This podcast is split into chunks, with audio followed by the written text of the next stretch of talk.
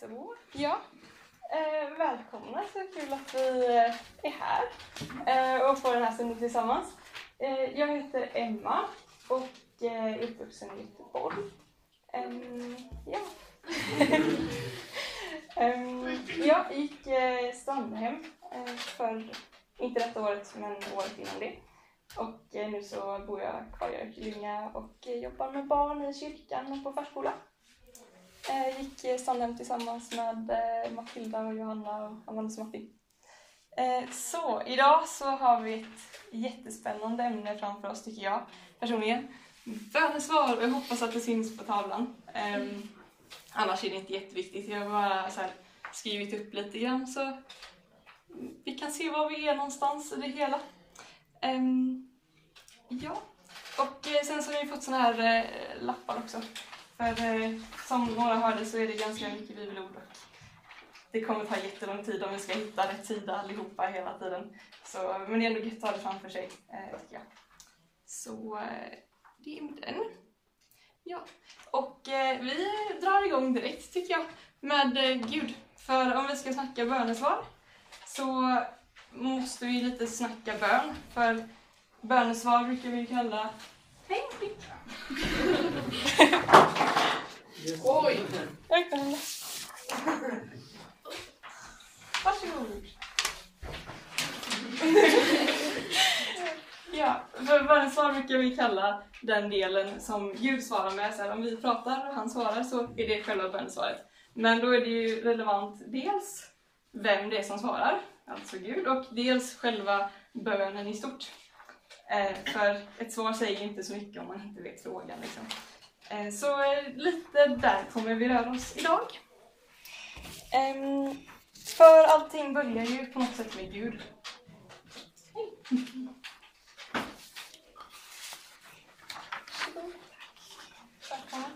ehm, jo, allt börjar ju med Gud. Det var han som var innan hela världen fanns till och han som skapade allt. Och um, redan i lustgården liksom, så gav han människan sitt liv och han har gett oss våra liv utan att vi ens kunde be om det. Ehm, han gav Adam mat och sällskap och eh, alltihop och även sen när människan vände sig bort från Gud eh, och de hade blivit utdrivna ur lustgården på grund av syndafallet eh, så får Eva en son och då säger hon att eh, första bibelordet Jag har fått en man från Herren.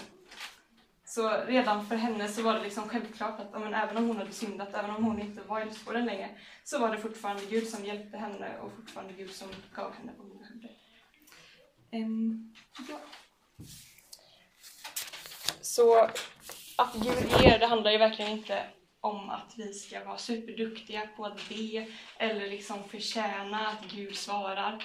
För han gör ju det liksom på grund av sin kärlek till oss hela tiden. Det är på hans initiativ, det är han som vill ge och vi som får möjligheten att vara i den här bönrelationen med honom liksom, och lära känna honom bättre.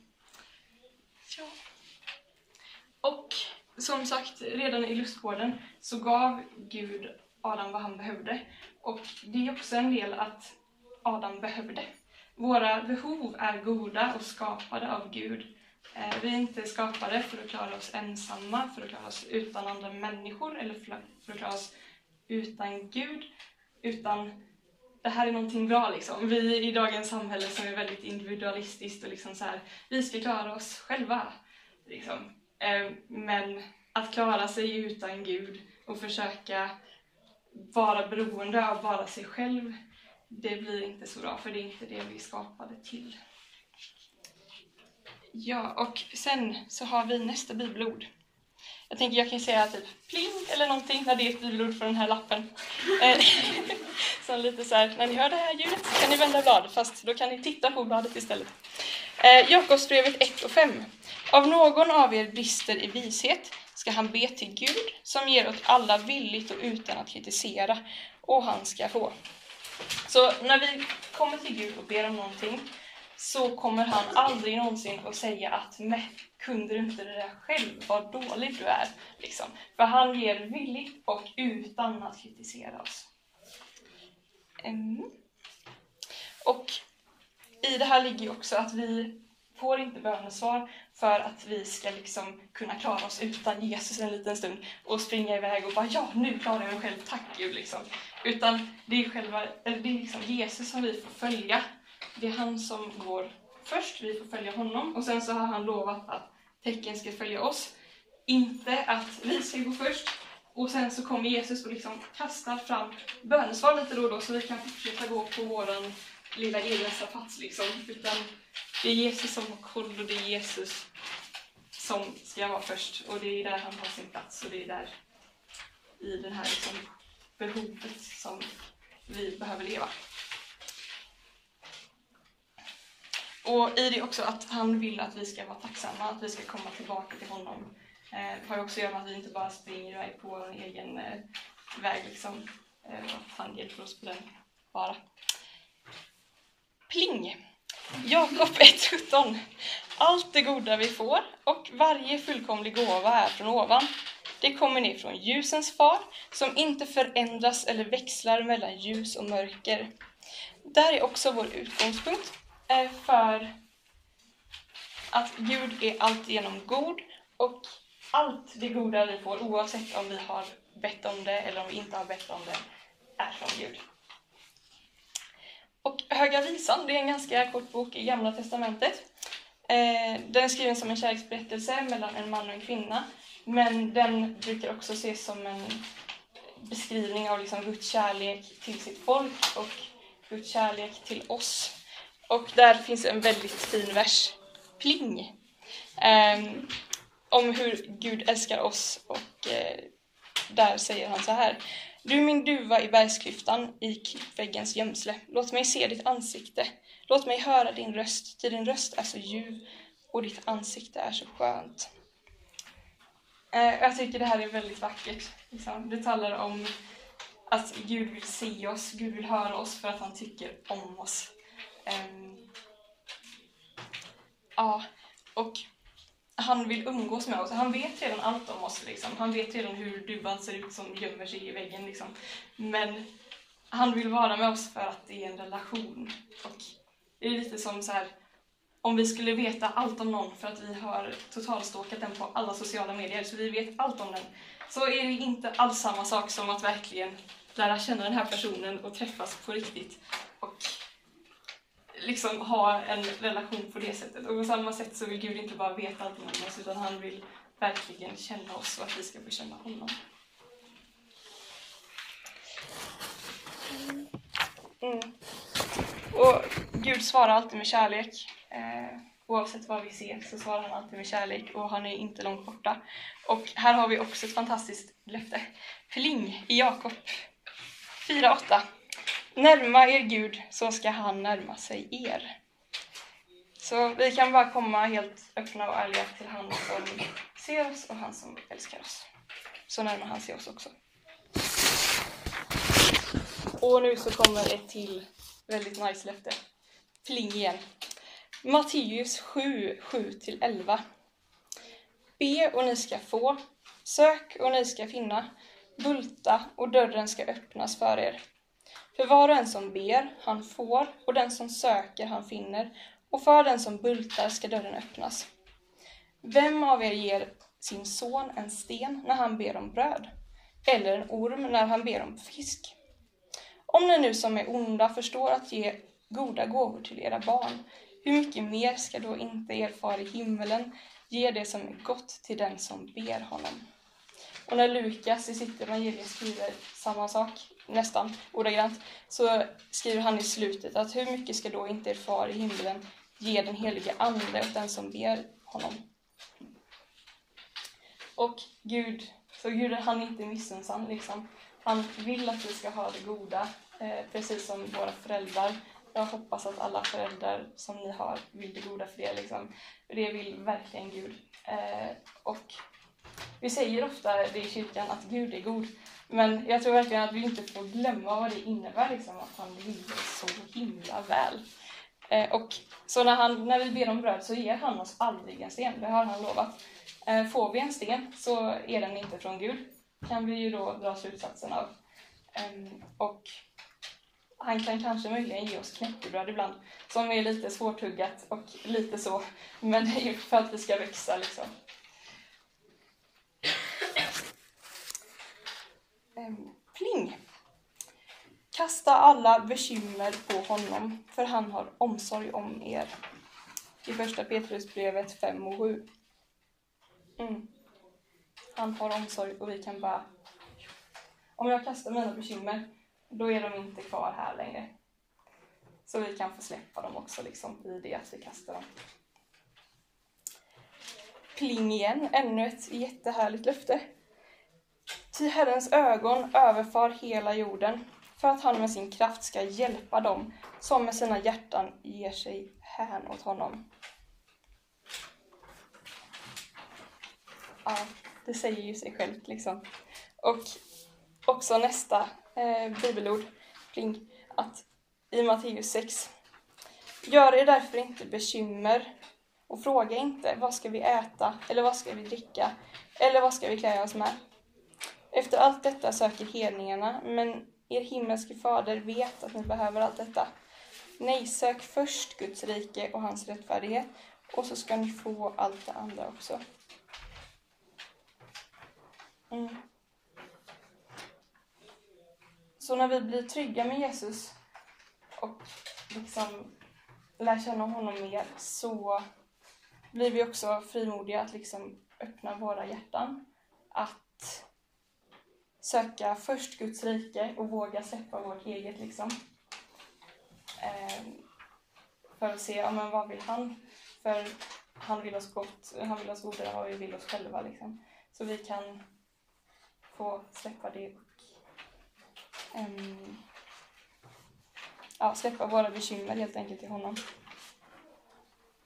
Och då så kan vi få be om både pyttelitet och jättesmått. Eller jättestort menar jag. ja, jättesmått också för den delen. Men, um, mm, och Gud svarar liksom på allt från hjälp mig hitta inte mina nycklar till liksom min högstadiekompis blir frälst och till att Gud har helat nageltrång och han har helat ständig ryggsmärta, inte på mig men som jag har sett att han har gjort på andra. Liksom. Um, han bryr sig om allt och vi får be om vi får liksom be för hela Nordkorea om vi vill. Uh, för det är en så stor Gud som vi har. Pling!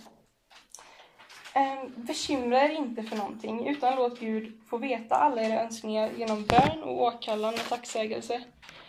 Då ska Guds frid, som övergår allt förstånd, bevara era hjärtan och era tankar i Kristus Jesus.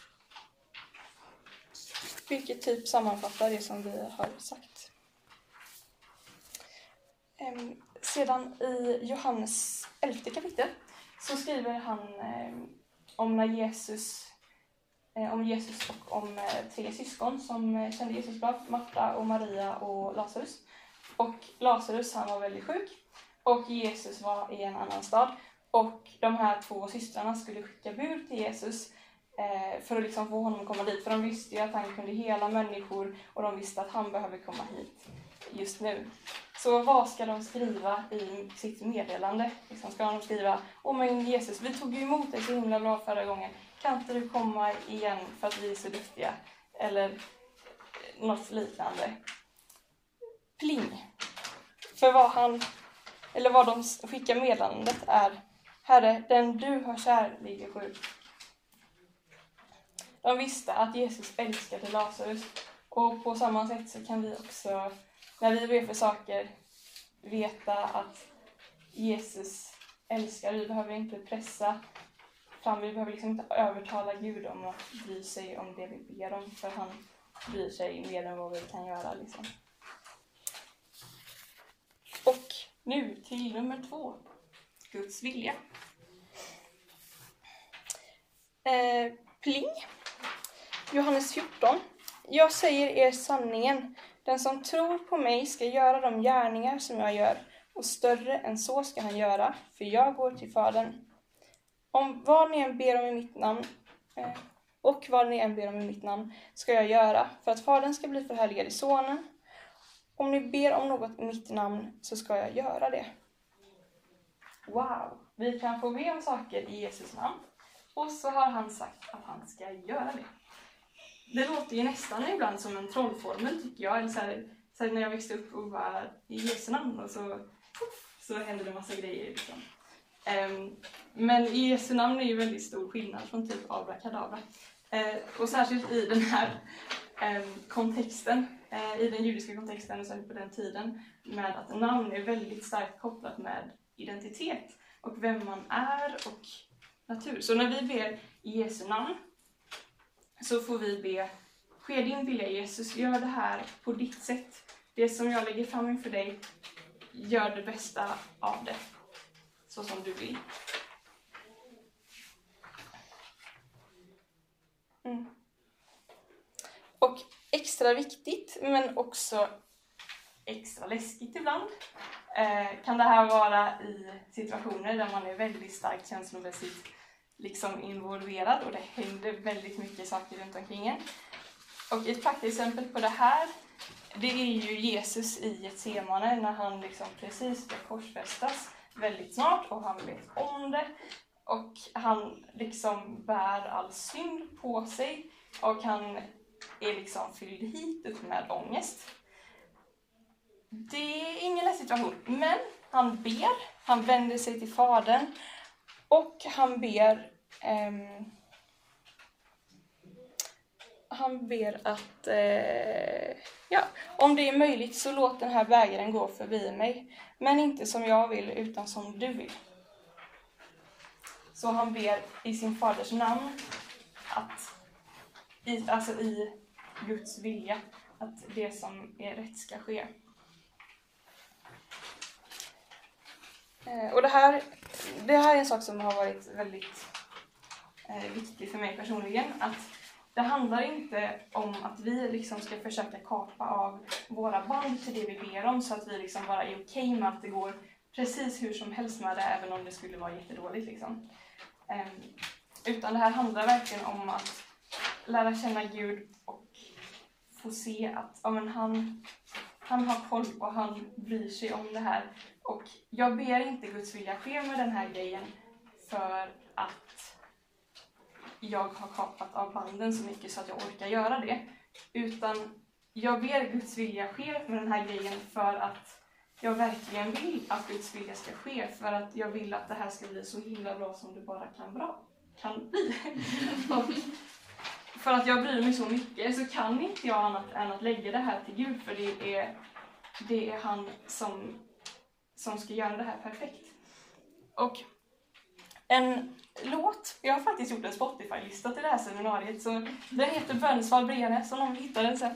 Eh, för jag är en sån som lär mig mycket genom, eller får mycket intryck av det jag hör. Och hör man då bra grejer så kan man börja tro på det.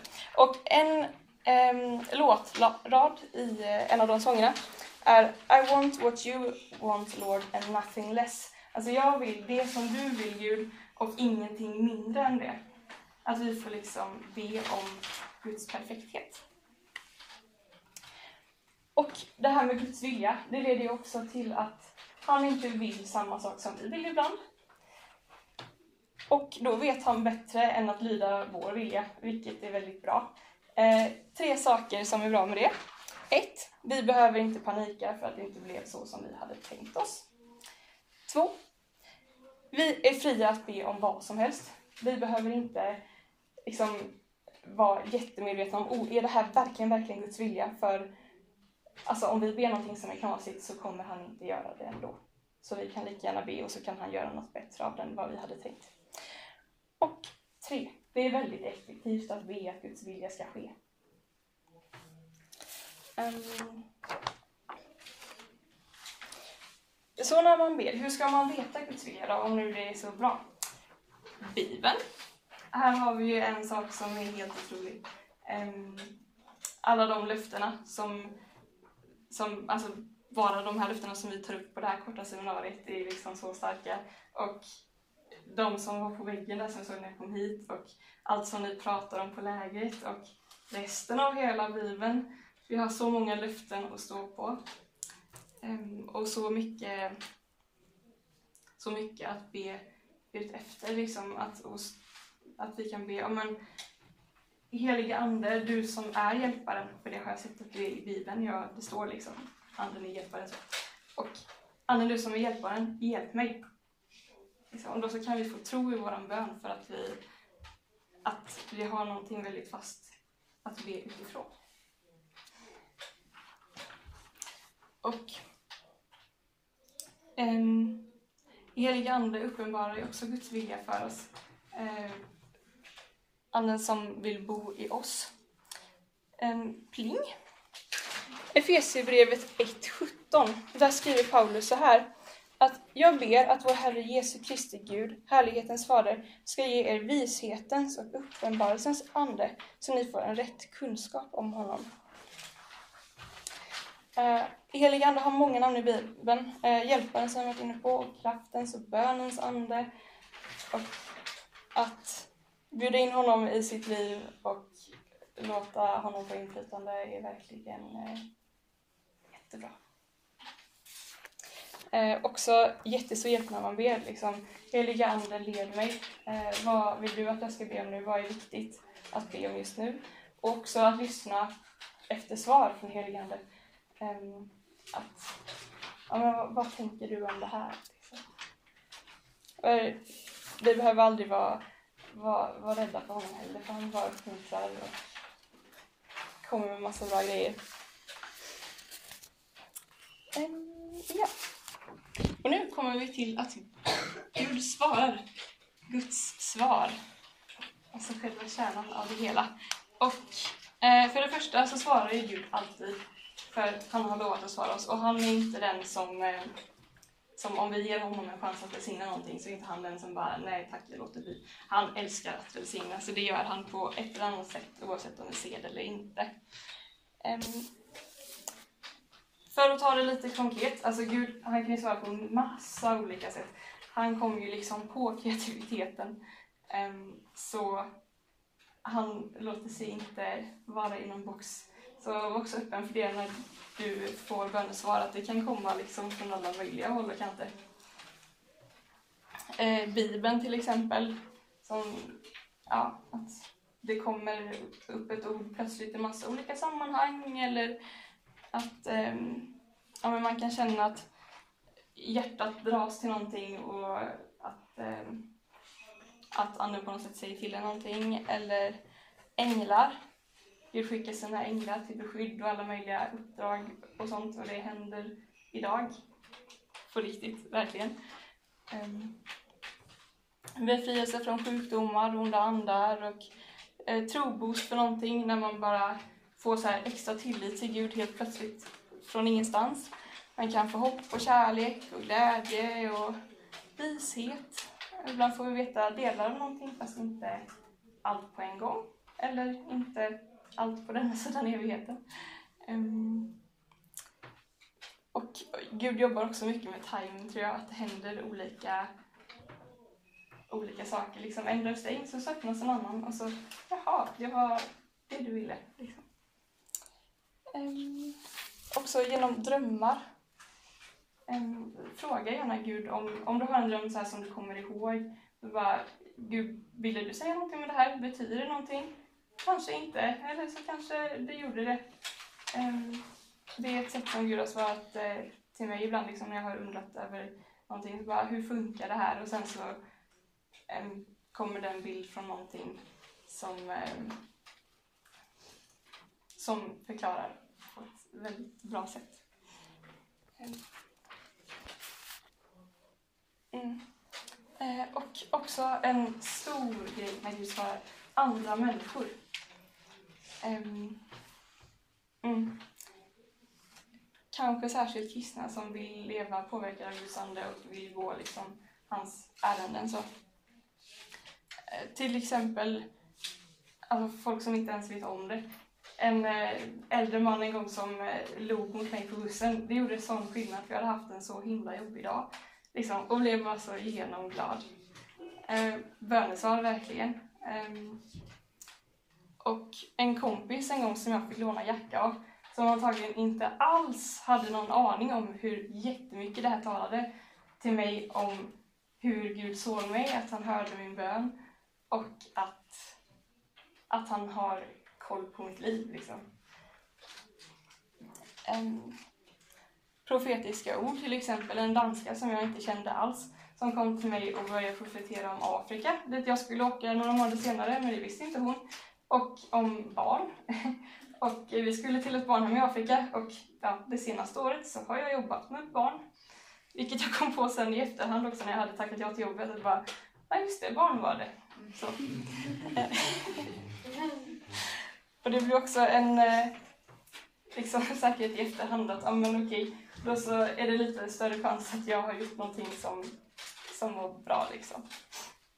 Um,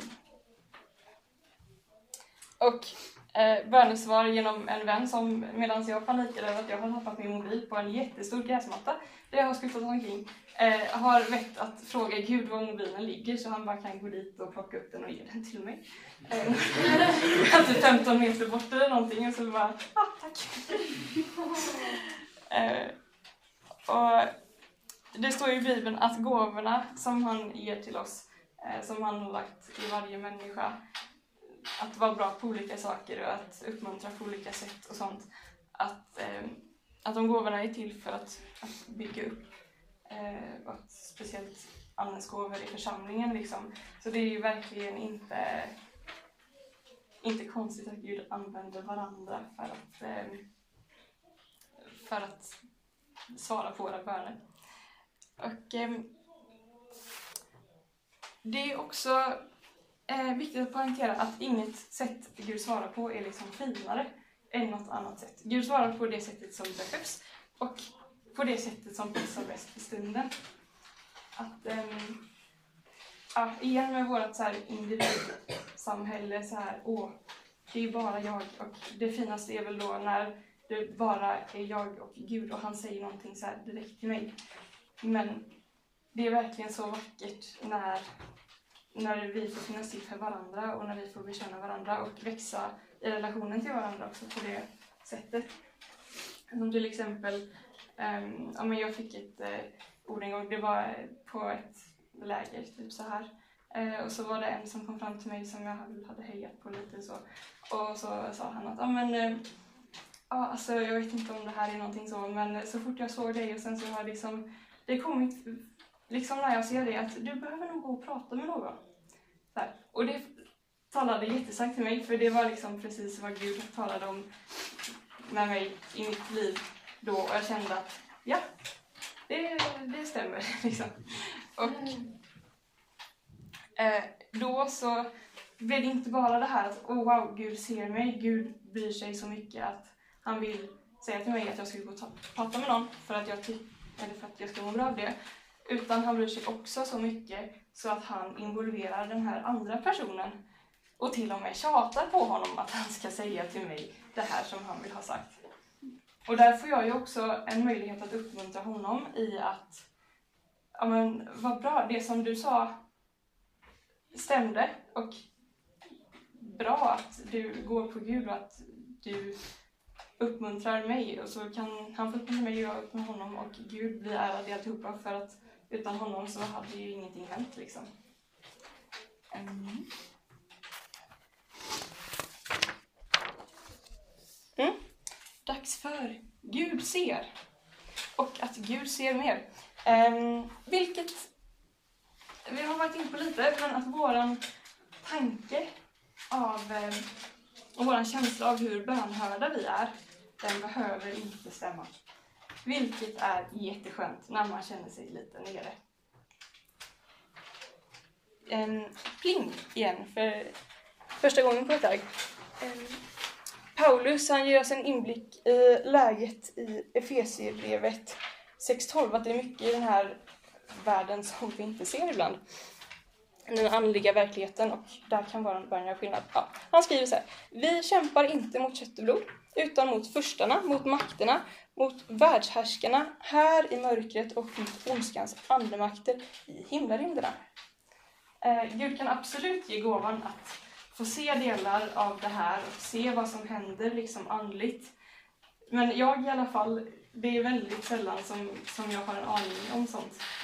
Um, Men jag tror verkligen att det här är ett sätt som, som Gud svarar på, att vår bön är liksom så kraftigt vapen och när vi, när vi läser Bibeln och när vi liksom ja, men vill Guds rike eh, och att hans vilja ska ske, att det är liksom bara typ dynamit i den andliga världen, att, eh, att bön är väldigt starkt där.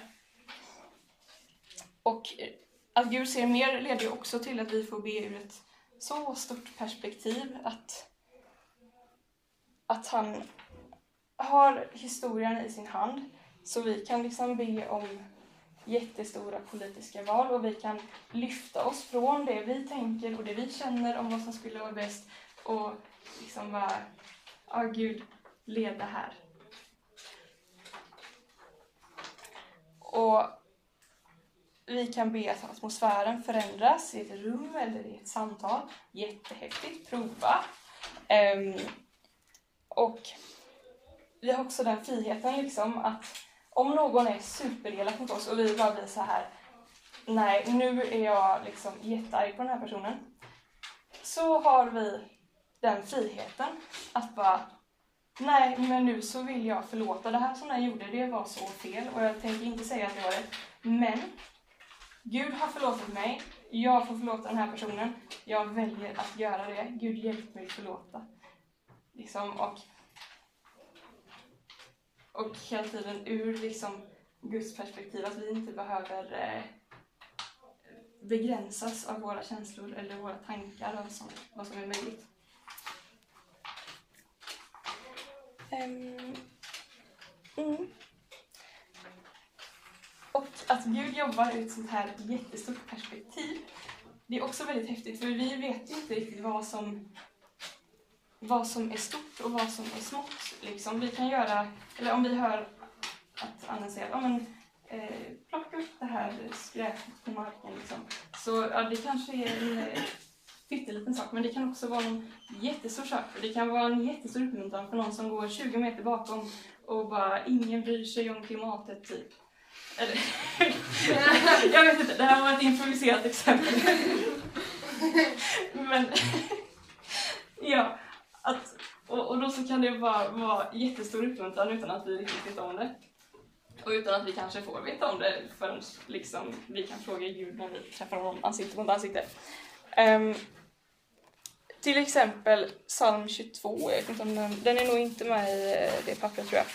Men den skrev kung David eh, ungefär tusen år innan Jesus levde. Och han skrev liksom saker som var ganska märkliga ur hans livs synpunkt. Men sen tusen år senare när Jesus stod på korset och säger de första raderna i den här salmen som Min Gud, min Gud, varför har du övergivit mig? Då går liksom saker ihop. För då går det ihop att att, Dan, eh, att David skrev de här knasiga grejerna om liksom genomborrade händer och genomborrade fötter och hån från folket och om att de kastade lott om hans kläder. Sånt som hade varit, som han skrev kanske och bara oj vad är det här? Eller så hade han en aning om vad som skulle hända för att Gud hade sagt det till honom. Jag vet inte riktigt. Men att det fick vara så otroligt starkt, liksom, att det han skrev där som kanske inte riktigt gick ihop då, fick betyda så otroligt mycket senare. För det gav ju sån kraft i att nej men, oj, Jesus har verkligen uppfyllt det som, som liksom har berättats om honom. Så det måste vara Gud som ligger bakom, för innan annan Gud kunde göra så att David skriver så här träffande liksom, om precis vad som händer på långfredagen. Um, att Gud ser mer, det är också väldigt bra när man inte riktigt vet vad man ber om. Det kan röra sig om situationer där man har väldigt lite information eller bara inte har en aning om vad som är bäst. Att vi kan få be till Gud ändå, för han ser mer och han vet vad som behövs göras. Och eh, också ett sådant tillfälle är i tungotalet, alltså när eh, helig ande gör så att vi kan be med ord som är på ett språk som vi inte förstår själva. Eh, utan att han liksom får, eh, får be eh, med ord som han väljer. Och eh, det är en gåva som man också kan få be om.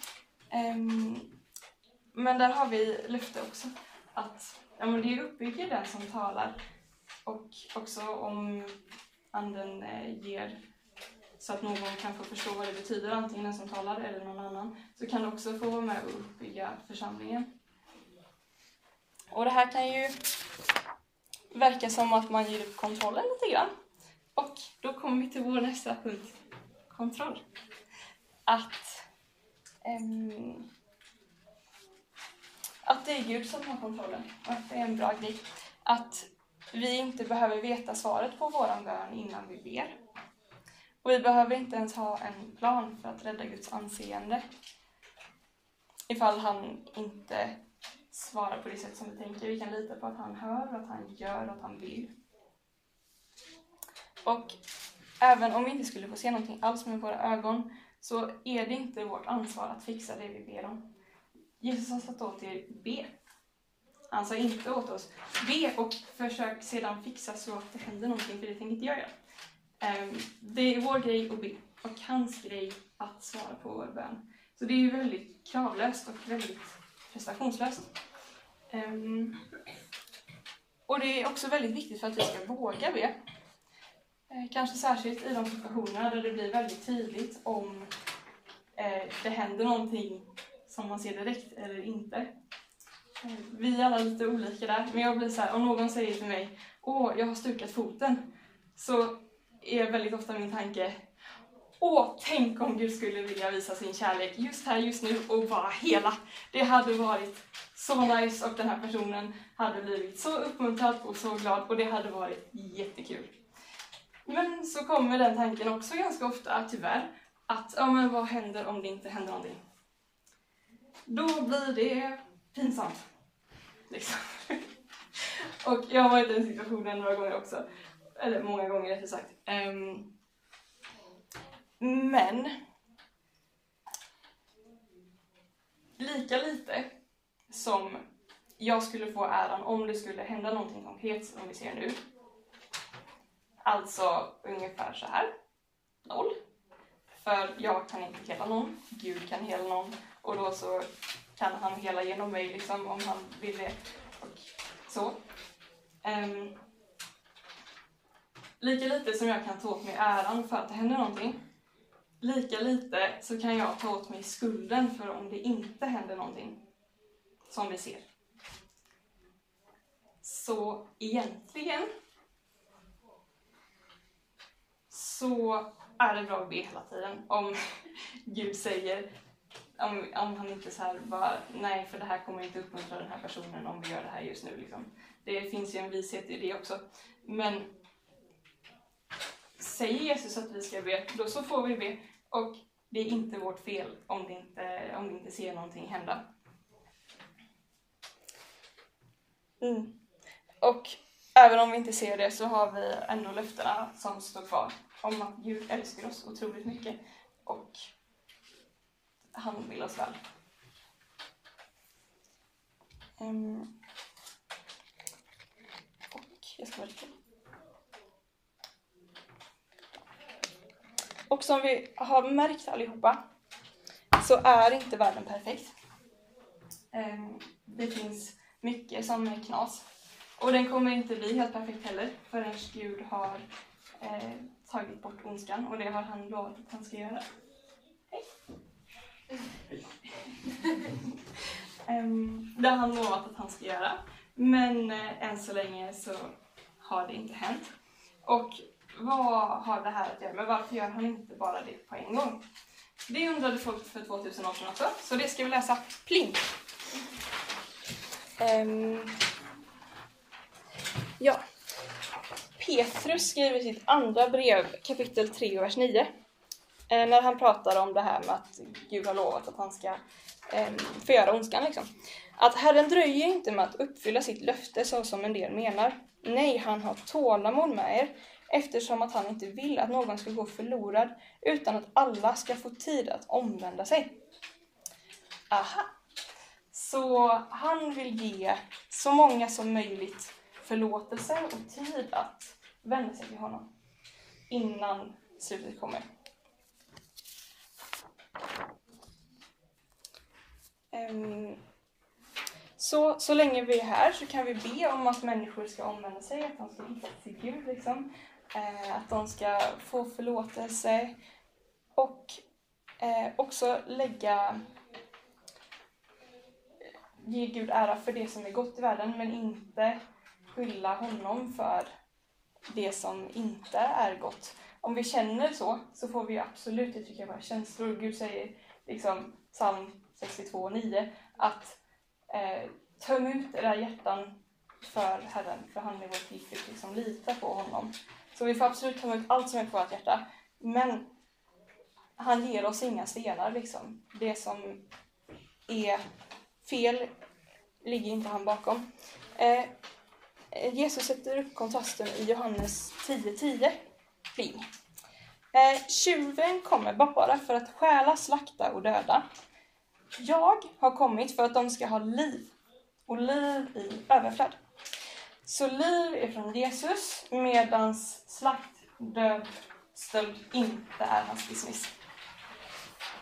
Men det kommer också något helt underbart i vers, eller och det kommer något helt underbart, i vers eh, 28 och 29 eh, sedan. Pling.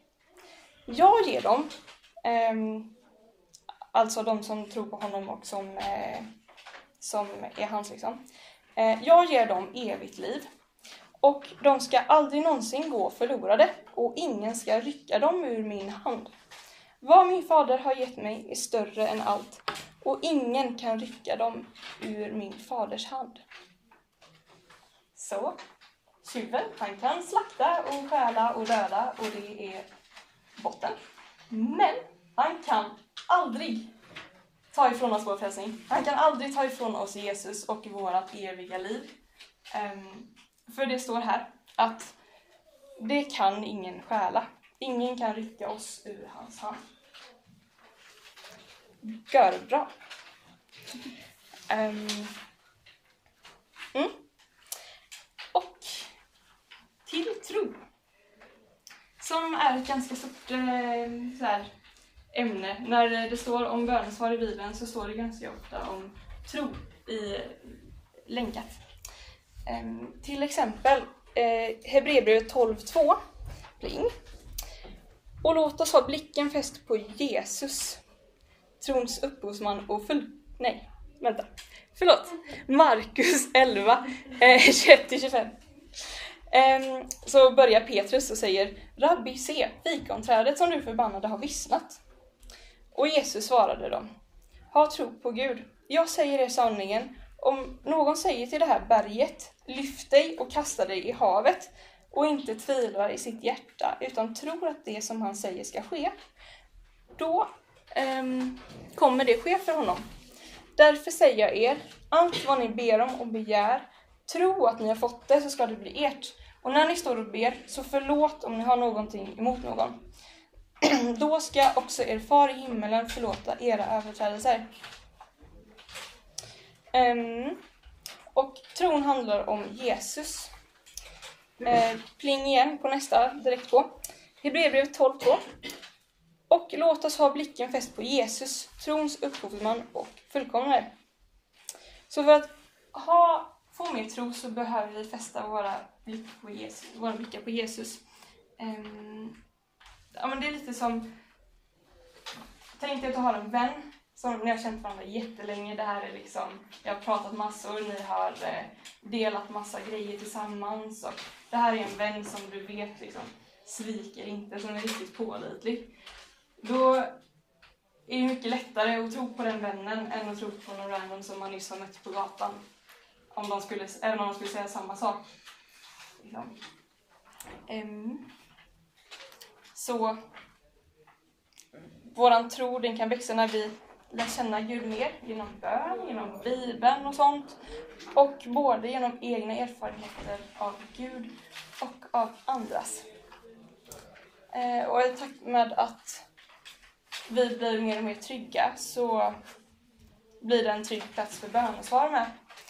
För när vi umgås med Gud så formar han våra hjärtan och vår karaktär så att vi blir trygga i hans kärlek först och främst. Och då litar vi också på att Gud älskar oss och de vi ber för oavsett vad vi ser hända. Eh, och ser vi någonting hända så ger vi Gud äran för det. Mm.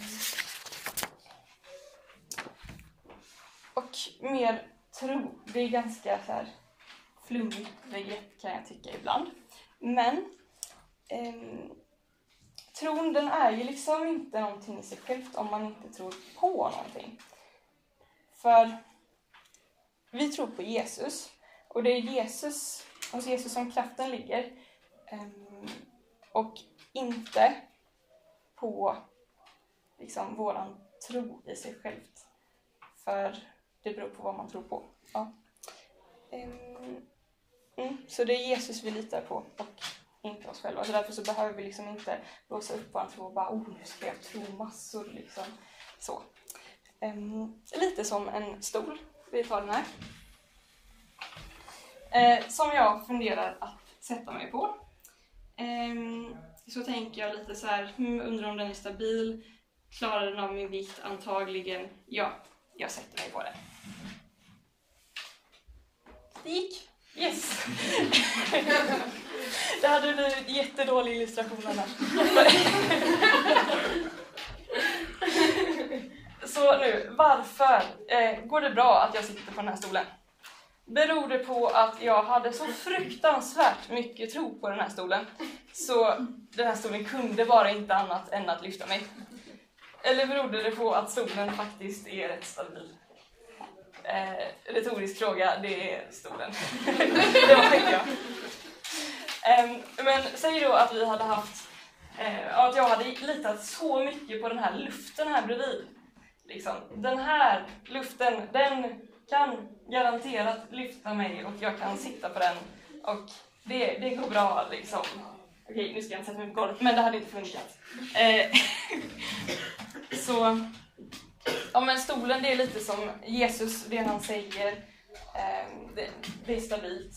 Liksom. Han säger att mitt ord ska inte förgå och det håller. Eh, men också för att få uppleva det här med att, nej men oj, jag kunde sätta mig på stolen. Den lyfter mig. Så krävs det ju faktiskt också att jag vågar lita på stolen. Att jag vill prova. Och Gud säger ju också eh, någonstans i Jesaja, jag vet inte, men att smaka och se att Gud är god. Vi behöver liksom inte bara lita på honom med allting eh, direkt och liksom bara kasta sig ut på någon stol som ser jättemärklig ut, men det funkar säkert liksom. Utan vi får ta liksom små steg och Gud har så mycket tålamod med oss. Och han tycker inte om, eller han eh, har ingenting emot omognad liksom. Han, det är liksom naturligt att vi växer i grejer. Um, och vi får testa honom och liksom så här, peta lite på stolen först och bara jo men det verkar väl ganska okej okay, och så här undersöka och och sånt. Um. Uh, vi tar en pling till faktiskt. Um, Jakobsbrevet 1.58. Om någon av er brister i vishet så ska han be till Gud, som ger åt alla villigt utan att kritisera, och han ska få. Men han ska be i tro utan att tvivla. Den som tvivlar liknar havets våg och drivs och piskas av vinden. En sådan människa kan inte tänka att hon kan ta emot något från Herren, splittrad som hon är och ostadig på alla sina vägar. Början känner vi igen, det hade vi tidigare. Men slutet, alltså när jag har läst det här innan, och liksom ganska många år så, eh, så har jag läst det och inte riktigt förstått. Eh, jag tror att jag förstår lite mer nu, men jag har ofta läst det som att nej men den som tvivlar den liknar havets våg och en sådan människa så la jag till liksom, alltså, då tycker inte Gud att nej, du tror inte, då får du ingenting, du kan inte vänta att du ska få någonting av mig. Så det är så. Lite så har jag läst det här. Ehm, men när jag läste lite mer noga nu så står det ju också att hon kan inte eh, en sådan människa ska inte tänka att hon kan ta emot något från Herren. Så det säger ju ingenting om att, att Gud inte hade en stol som man hade kunnat sätta sig på. Jag tror att Gud alltid ger oss stolar. Att han alltid ger oss, alltså inte stolar så, men eh, liksom saker att gå efter och, och liksom hintar och, och svar och sånt. Men att det krävs att vi har ja, men tro för att våga prova, som jag sa innan. Att, att, eh, att tro för att kunna ta emot det som, som Gud vill ge och kunna uppleva att man sitter bra på en stol. Um, och sen en uppmuntran, för ber du så har du tro. Um, så vi behöver aldrig så här be och tänka att nej, jag tror inte tillräckligt bra. För bara det att vi ber visar ju att vi har ju faktiskt någon slags någon tanke om att både Gud finns och att, han, att det är liksom um, att uh, vi inte ber förgäves, att han faktiskt bryr sig. Uh, pling! Hebreerbrevet 11.6 utan tro så är det omöjligt att behaga Gud, för den som kommer till Gud måste tro att han finns och att han lönar den som söker honom. Vilket är typ precis det jag sa fast med andra ord. Att eh, kommer du till Gud så tror du att han finns och att han, belönar de som söker honom. Um. Och då kan man ju tänka så här, åh, jag vill ha tro. Och det tänkte lärjungarna också. I Lukas eh, 17, 5, 6, kring. Då sa apostlarna till Herren, ge oss mer tro. Herren svarade, om ni har tro, bara som ett senapskorn, då ska ni kunna säga till det här mullbärsträdet, ryck upp dig med rötterna och plantera dig i havet, och det skulle lyda er. Så det räcker med pyttetro. Ingen av oss här inne eller någon annan är viskad från liksom bönespelet. Eh, eller vad man ska säga. Eh, det... Mm. Vi får tro och vi får se saker hända. Och... Mm.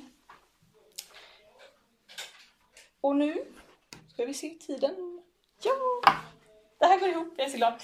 Eh, eh, en slutkläm innan vi kan öppna för typ frågor. Ehm, då har jag två uppmaningar och en funderare. Första uppmaningen. Eh, det här är något men B. Det, det är riktigt bra. Kommunicera med Gud på, alltså som sagt, han är kreativitet. Det finns mängder av olika sätt. Ehm, jag tror att varje människa liksom har varsitt så här, eh, Gud anpassar bara hjärnet efter oss.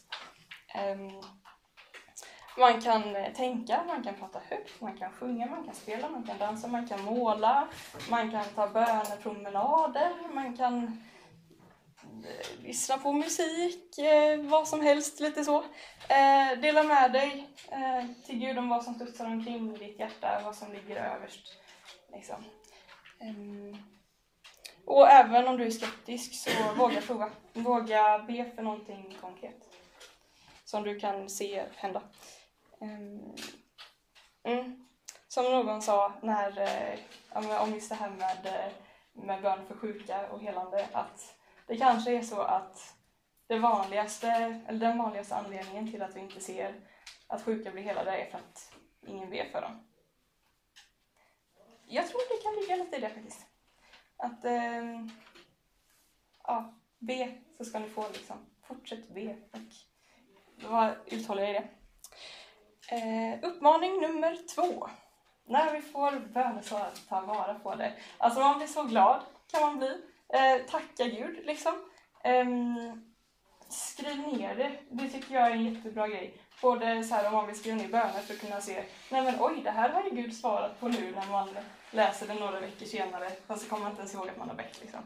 Um, och skriv gärna ner bönesvaren för att det kommer en dag, tror jag, när man behöver en uppmuntran att nej men Gud hörde mig den gången. Så då är oddsen ganska höga att han hör mig nu också. Liksom. Eh, den uppmuntran, och så på så sätt så kan ju samma bönesvar bli uppmuntran jättemånga gånger framöver. Så har det i alla fall varit i mitt liv när jag har skrivit ner grejer. Ehm, mm. Och också att man pratar om det med, med folk, med kompisar så att de blir uppmuntrande. Ehm, för det är också så här kan vara lite jantelagsaktigt tycker jag när man ska så här, dela någonting som Gud har gjort och så blir det lite så, nej men jag är ju ingen, varför skulle just jag och nej men då så kanske folk blir ledsna för att, för att om, om inte de liksom så, men det är just det att bönesvaren, det handlar ju inte om oss, det handlar om Gud. Bara om Gud och hans kärlek till oss. Och om din kompis fattar att nej men oj, han älskade den här personen så mycket att han gav det här, då så blir det också lättare att tänka att men han älskade faktiskt mig också, för vi är människor båda två. Och ja, samma liksom. Eh, och en funderare. Om du hade vetat så här, eh, att Gud skulle svara på din bön, hade sättet du ber på förändrats? Om du liksom hade så här, eh, ja, börjat din bön med ah, hej pappa. Och om du hade hört hej Emma, eller sett in ditt namn där.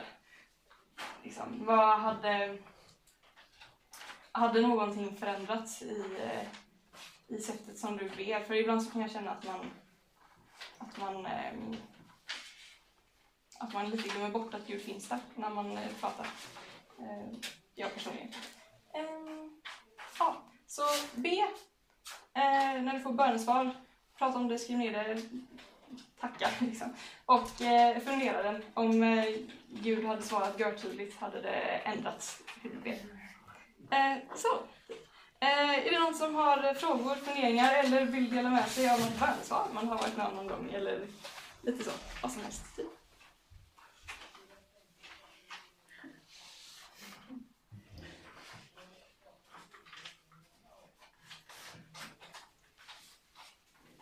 Eller bara någon fundering så här, hur, eh, om bönesvar, någon eh,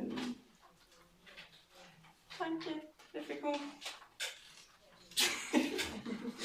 Ingen press alls att det ska vara superintellektuellt. Man behöver inte ens ha glasögon på sig för att säga något. Eh. Ja. Det var dumt att jag sa varför då. Det är för att jag har skaffat glasögon. Ja. Så det liksom ligger på i mitt huvud just nu. Um, ja. Nej men eh, då så eh, är vi klara.